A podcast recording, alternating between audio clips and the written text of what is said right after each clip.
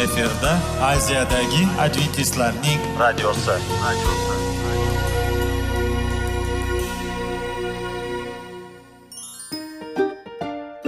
assalomu alaykum radio tinglovchimiz dasturimizga xush kelibsiz va bizni tinglayotganingizga sizdan judayam minnatdormiz bugungi bizning dasturimizning nomi sog'liq daqiqasi deb ataladi va biz sizlarga bu dasturda mevalarning foydasi haqida so'zlab bermoqchimiz ya'ni uning tarkibi uning tarixini va foydali xususiyatlari haqida.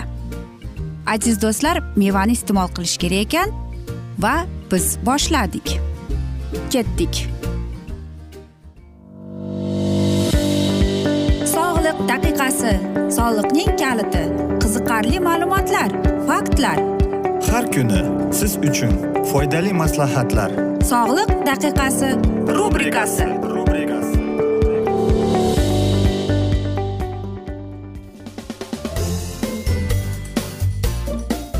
assalomu alaykum aziz radio tinglovchilar. Dasturimizga xush kelibsiz va biz sizlar bilan tana va sog'liq degan dasturda xush vaqt bo'ling deb aytamiz.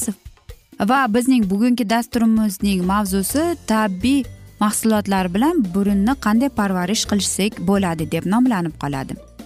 Va biz bugun sizlar bilan ajoyib bizning burnimiz haqida suhbat qilyapmiz. Va biz sizlarga o'tgan galgi dasturda va'da qilgan edikki qanday qilib siz gripp bo'lib yoki shamollab qolganingizda mana shu holatingizni yengillashtirishdi.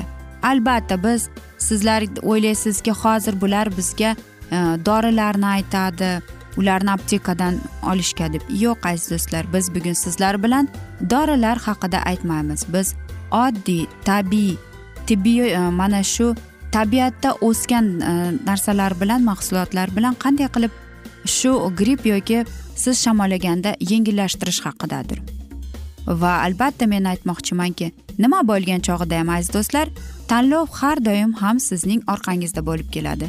Lekin bundan oldin siz bizning dasturimizni tinglashingizga iltimos qilib ko'ramiz. Xo'sh aytingchi burun yuvganda biz aytganmiz qanday qilib biz burnimizni yuvamiz to'g'rimi? Va u to'g'ri bo'ladimi? Lekin bilasizmi mana shunday burun yuvadigan attellab o'zining suvi bor. Shuning uchun ham u aptekada albatta sotiladi. Unga e, qo'llanmaning keragi yo'q. Ya'ni bir choy qoshiq tuzga e, bir choy ya'ni besh gramm taxminan bo'ladi. Yarim litr yoki bir litr suvga mana shu narsani olib aralashtiramiz. Va albatta lekin hech ham tuz bilan ko'p qilib yubormang. Va mana shu narsani shpritsda olib turib ya'ni bilasizmi yana xlorinatritni ham ishlatish mumkin. Lekin shpritsda olib uni yuvish kerak.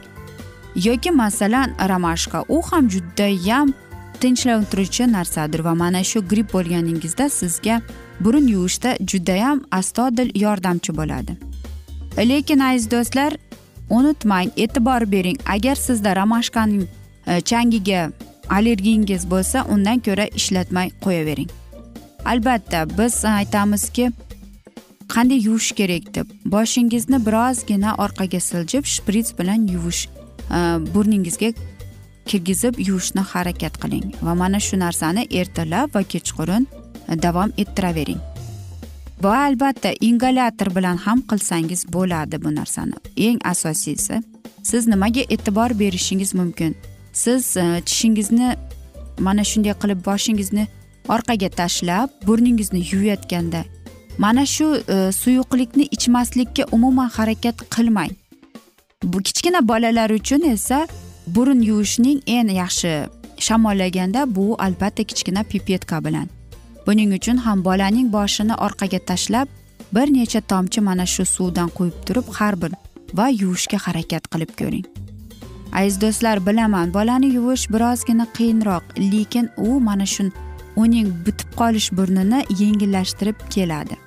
Hozir albatta ko'plab e, aptekaga borsangiz ko'plab dorilar bor shamollashdan lekin qarangki bular e, sprey yoki aytaylik tomchi haqida yoki aytaylik dori darmondan ishlab chiqariladi.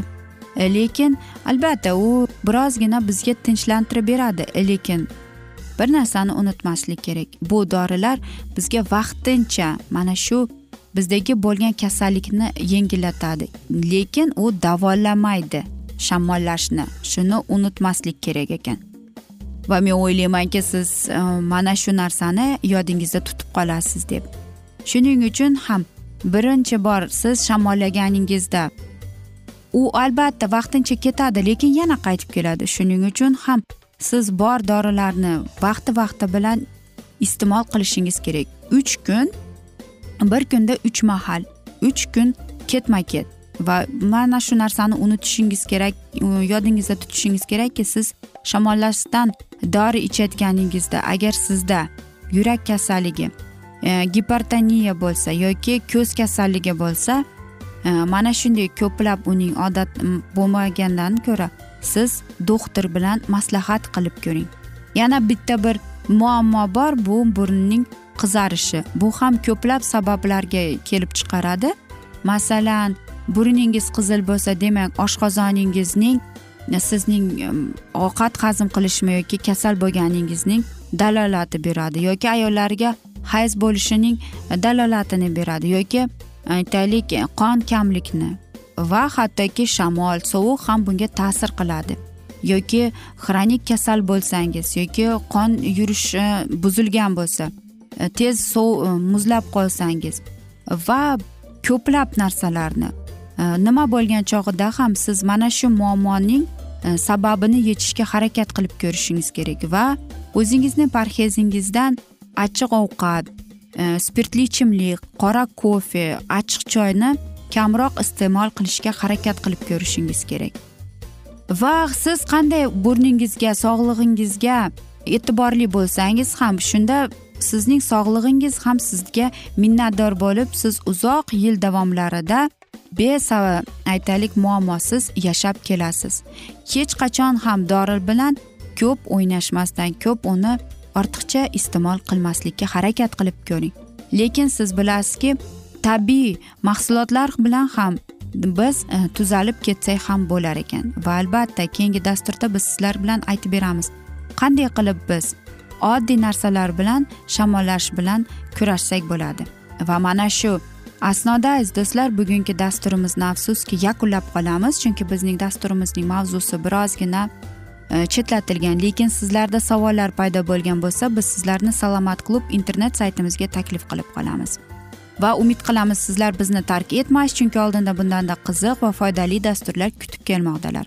Hozircha esa o'zingizni quyoshdan va sovuqdan ehtiyot qilib va yaqinlaringizni o'zingizni ehtiyot qilib sizlarga sog'lik salomatlik tilagan holda xayrlashib qolamiz.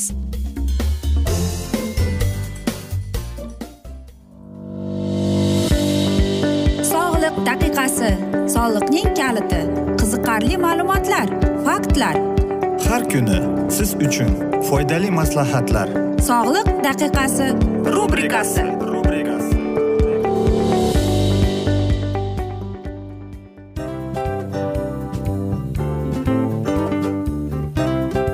Mana ha hayotda hamma narsaning yaxshi narsalar tugaydi va yakunlaydi degandek bizning dasturimizga ham yakun keldi. O'ylaymanki bizning dasturimiz sizga foydali bo'ldi deb aziz radio tinglovchimiz. Va siz o'zingiz uchun kerakli xulosalar kerakli maslahatlar olib oldingiz. Aziz radio tinglovchimiz biz bilan qoling va keyingi dasturlarimiz albatta undanda qiziqroq bo'ladi. Mana shu alfozda sizlar bilan xayrlashib qolaman.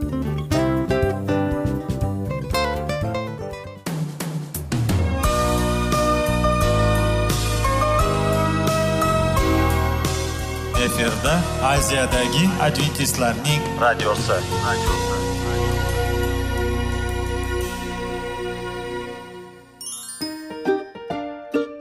Assalomu alaykum aziz radio tinglovchilar. Dasturimizga xush kelibsiz.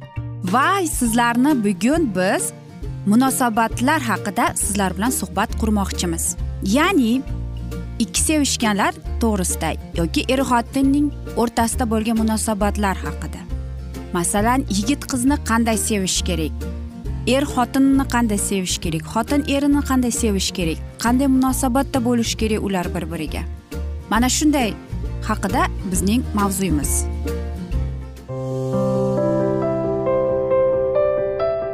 Har kuni har xil kasbdagi odamlar bilan sirlashish va bo'lishish sevgi rashq munosabat bularni hammasi izhori rubrikasida.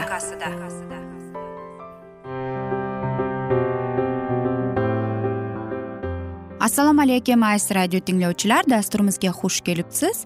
Va biz sizlar bilan erkaklar marsdan ayollar veneradan degan dasturni o'qib eshittirishni boshlagan edik. Va bugungi bizning dasturimizning mavzusi bahsning anatomiyasi deb nomlanib keladi.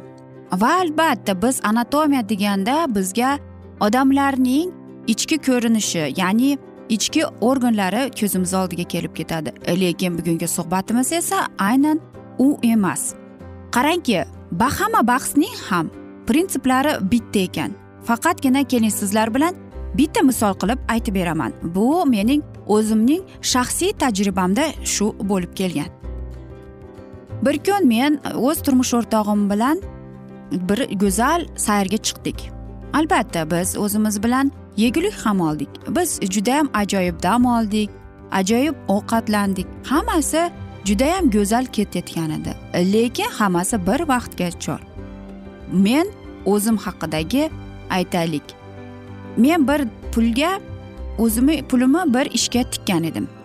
Albatta qarangki men mana shu mavzuni ko'tarib va u mana shu narsa uchun mening turmush o'rtog'im mendan xafa bo'lib qoldi.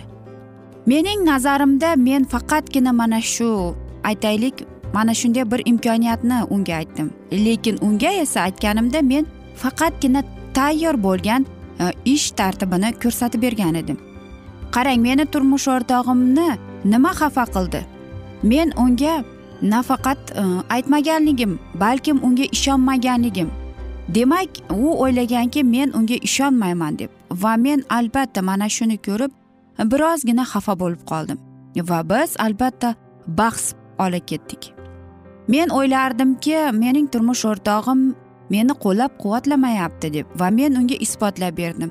Qanchalik u men qilayotgan ishning to'g'riligini va tushuntirishga harakat qilib ko'rdim ham. Ammo lekin men qancha um, unga harakat qilmay shunchalik ham mening turmush o'rtog'im mendan tashvishlanib va menga g'azabi kela boshladi. Va u aytdiki sen noto'g'ri ishga pulingni tikding deb. Ha albatta buning haqiqatida esa unda xafa narsa gapirardi. Lekin men u bilan maslahat qilmaganim ham. Lekin bir tarafdan uning yana nimasi tashvishga tushganini men o'ylardimki uni boshqacha qilyapti. Ya'ni u mana shu narsaga tashvishlanib bekordan bekor o'zini siqyapti deb o'ylardim. Va oxir oqibat men bomba qatori yorilib ham ketdim. Lekin keyinchalik albatta meni turmush o'rtog'im mendan mana shu tushunmovchilik va menga ishonmasligining orqasidan kechirim ham so'radi. Biz ham ikkalamiz tinchlanib qoldik. Ammo lekin keyinchalik u yana mana shu mavzuga o'zi qaytib keldi. U menga shunday dedi. Bilasanmi biz oxirgi mahallari juda ko'p bahslashyapmiz. Bu nimadan kelib chiqadi? Men darrov bomba qatori yorilib ketishim oqibatidanmikin yoki keyin sen bomba qatori yo portlab ketishingdanmi?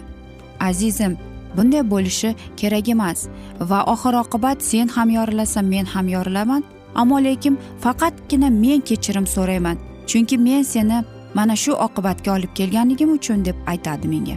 Va bilasanmi gohida mening e, xayolimga bir narsa keladiki mana shu turishda bir narsa yetmayapti deb. Va bilasanmi menga judayam yoqardiki agar sen biror marta bo'lsang ham o'zingni qilgan xatoying uchun mendan kechirim so'ragani deb aytdi menga. Va men mana shu asnoda judayam chuqur o'ylanib qoldim.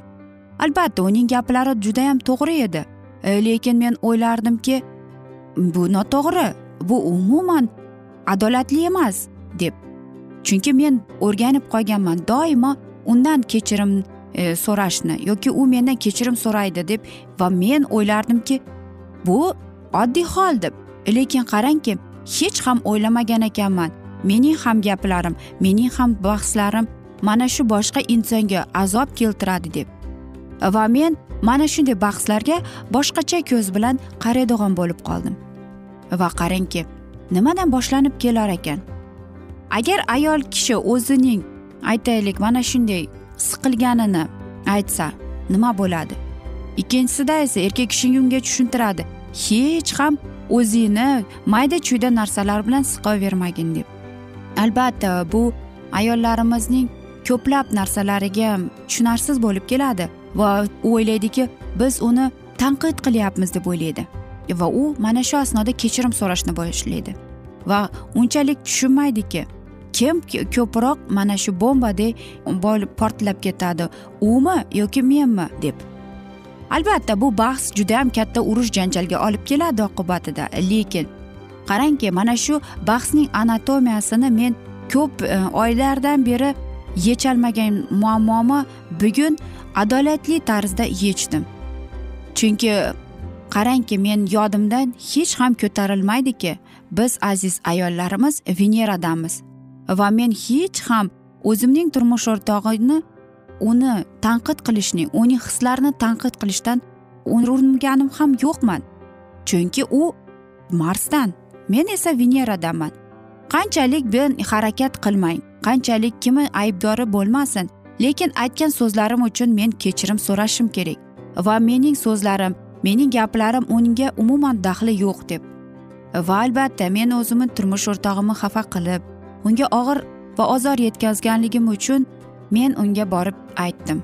Men judayam achinaman. Men seni xafa qilib qo'ydim va meni kechirgin men mana shu so'zlarni aytganimga deb. Albatta siz mana shu narsani aytish oson lekin uning aytaylik misolini yechimini sizni uzoqqa cho'zmaydi ko'rasiz. Va biz er xotin judayam kam urishadigan bo'lib qoldik. Albatta erkaklar judayam kam aytadi meni kechir deb. E, lekin bu nima uchun shunday bo'ladi? Chunki ular marslik. Qanchalik siz harakat qilmangki? Baribir siz mana shu narsa uchun kechirim so'raysiz. Albatta kechirim so'rash ba'zida qiyinroq bo'ladi. Lekin mana shu mahalda men chuqur nafas olib hech narsa demasdan va o'zimni uning hislariga duch keltiraman va unga uning ko'zlari bilan mana shu muammoga qarashga harakat qilib ko'raman. Aziz do'stlar va men o'ylaymanki mana shunday janjallarni olib qochish uchun sizlarga og'riq ozor yetayotgan e, mana shunday bahslardan qochish uchun siz bir narsani qabul qilishingiz kerak. Erkaklar marsdan ayollar veneradan. Aziz do'stlar mana shunday go'zal asnoda biz afsuski bugungi dasturimizni yakunlab qolamiz. Chunki bizning dasturimizga vaqt birozgina chetlatilgani sababli ammo lekin keyingi dasturda albatta mana shu mavzuni yana davom ettiramiz. Va men umid qilamanki siz bizni tark etmaysiz chunki oldinda bundanda qiziq va foydali dasturlar kutib kelmoqdalar.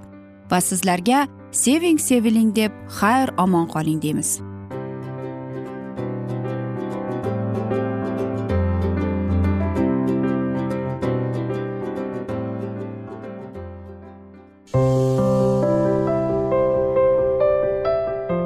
Kuni har xil kasbdagi odamlar bilan sirlashish va bo'lishish sevgi rashq munosabat bularni hammasi dil izhori rubrikasida.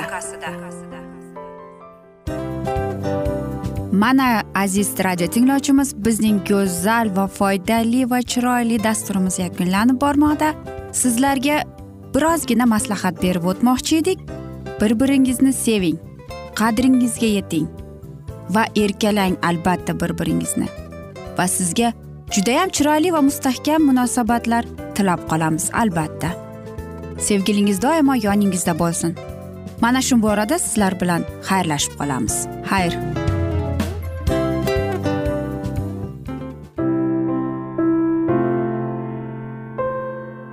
Hayotning noni. Qiziqtirgan savollar va javoblar. Buning hammasi ko'ngil uchun ozuqa rubrikasida.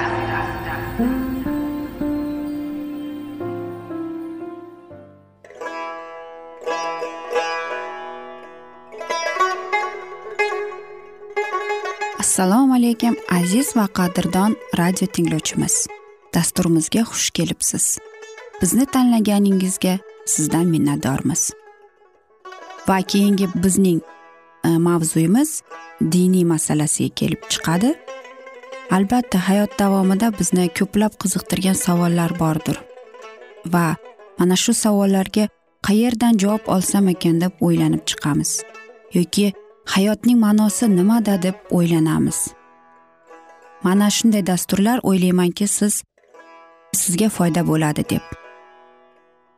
Aziz do'stlar e, bugungi bizning mavzuyimizning nomi vahiy kitobning ochilishi. Ya'ni bu muqaddas kitobda shunday deb yozilgan. Vahiy kitobning bizga bo'lgan buyuk sovg'asi deb.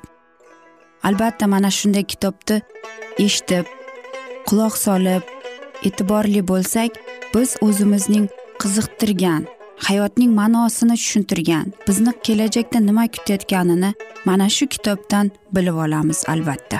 Va xudoyim bizga qanday rejalar ochgan bizga qanday kelajak kutayotganini aynan mana shu kitobda yozilgan va bizga mana shu kitob orqali xudoyim bizga aytib bergan.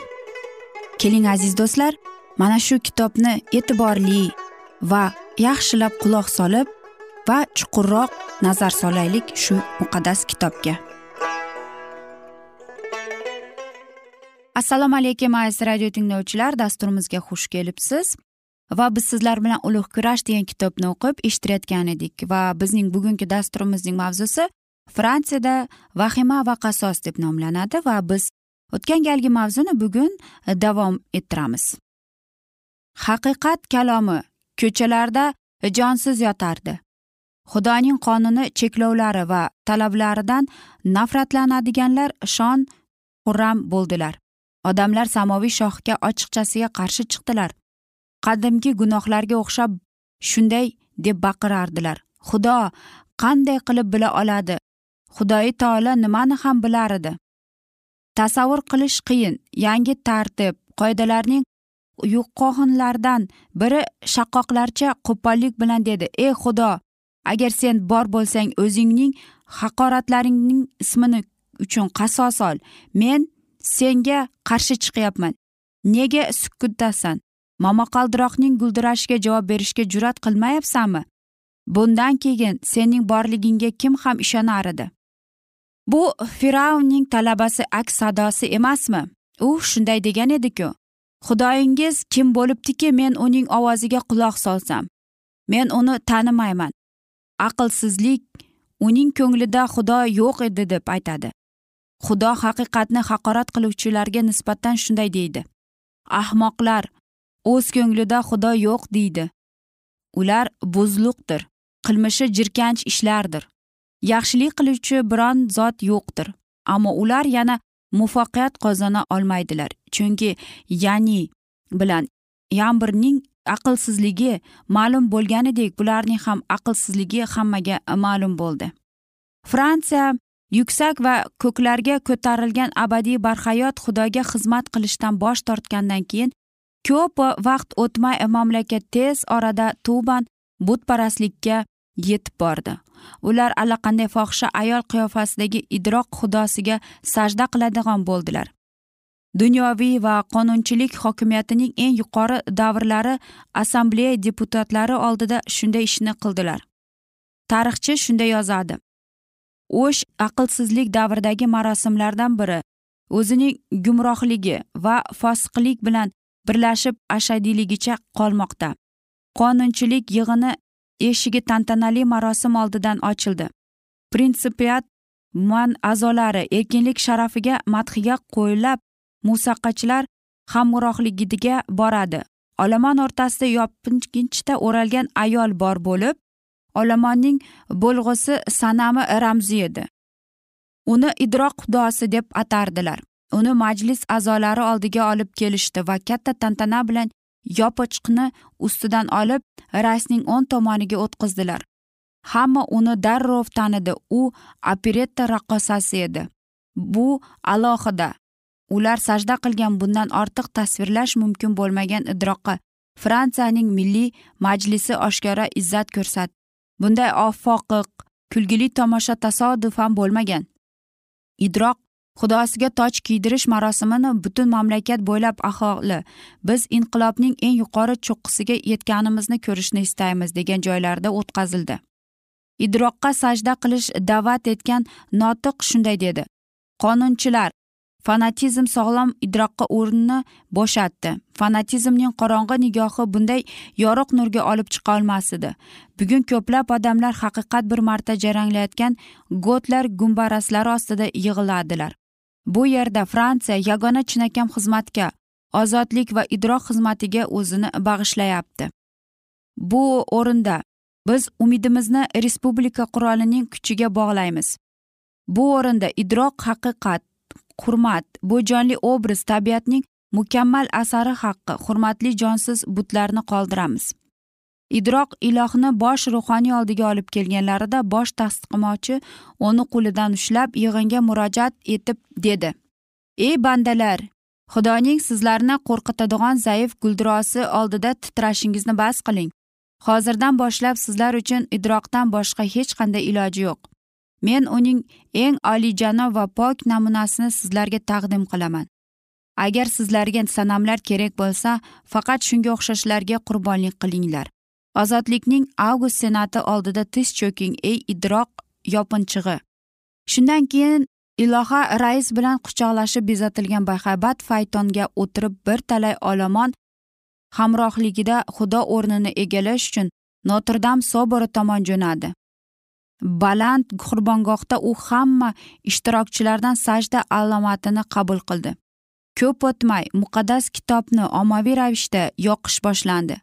Bir kuni xalq muzeylari jamiyati a'zolari munitsipalitet zalga kirib shunday dedi. Yashasin idroq deb baqirdi. Uzun holda tepasida yotayotgan kitoblarni olib kelayotganlar ko'rdi. Boshqa jamoat nashrlari orasida eski va yangi ahd ham bor edi. Rais aytganday bu kitoblar odamlarni idroqsizlikka mahkum qilgani uchun jamiki idroqsizlik katta alangaga gunohdan forig' bo'ldi. Papachilik ateizm tugatgan ishni boshladi. Rim siyosatchi fransiyaning halokati uchun ijtimoiy siyosiy va diniy sharoit yaratib berdi. Inqilobning vahimasi haqida yozadiganlarning hammasi odatda bu telbalikda e, jamoatni va davlatni ayblaydilar. Adolatga ko'ra shuni tan olish kerakki hamma ayb jamoatning zimmasida yotdi. Papachilik monarxlarda islohotga qarshi kayfiyat uyg'otdi. Islohotni qirollik taxtining dushmani dunyoga halokatli tahdid va davlatning gullab yashnashligiga dushman sifatida qaradi. Aziz do'stlar mana shu alfozda biz bugungi dasturimizni afsuski yakunlab qolamiz chunki bizning dasturimizga vaqt birozgina chetlatilgani sababli. Ammo lekin sizlarda savollar tug'ilgan bo'lsa biz sizlarni alkitab media internet saytimizga taklif qilib qolamiz va albatta sizlarga va qarindoshlaringizga yaqin birodarlaringizga tinchlik totuvlik tilab yuzingizdan tabassum hech ham ayrimasin deb xayr sog' bo'ling deb o'zingizni ehtiyot qiling deb sog' bo'ling deymiz.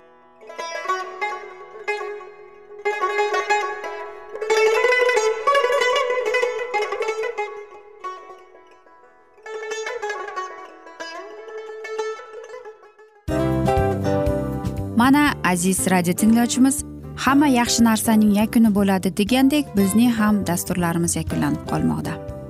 Aziz do'stlar o'ylaymanki bizning dasturlarimiz sizlar uchun judayam foydali bo'ldi deb. Bizning dasturlarimizdan siz o'zingizga foydali va judayam kerakli maslahatlar oldingiz deb. Masalan sog'liq borasida. Biz sizlarga sog'liq tilaymiz albatta lekin bizning maslahatlarimizga ham amal qilishga unutmang. Munosabatlarga kelganda bu munosabatlar chuqur va yaxshi bo'lishi uchun uni ustidan ishlash kerak albatta.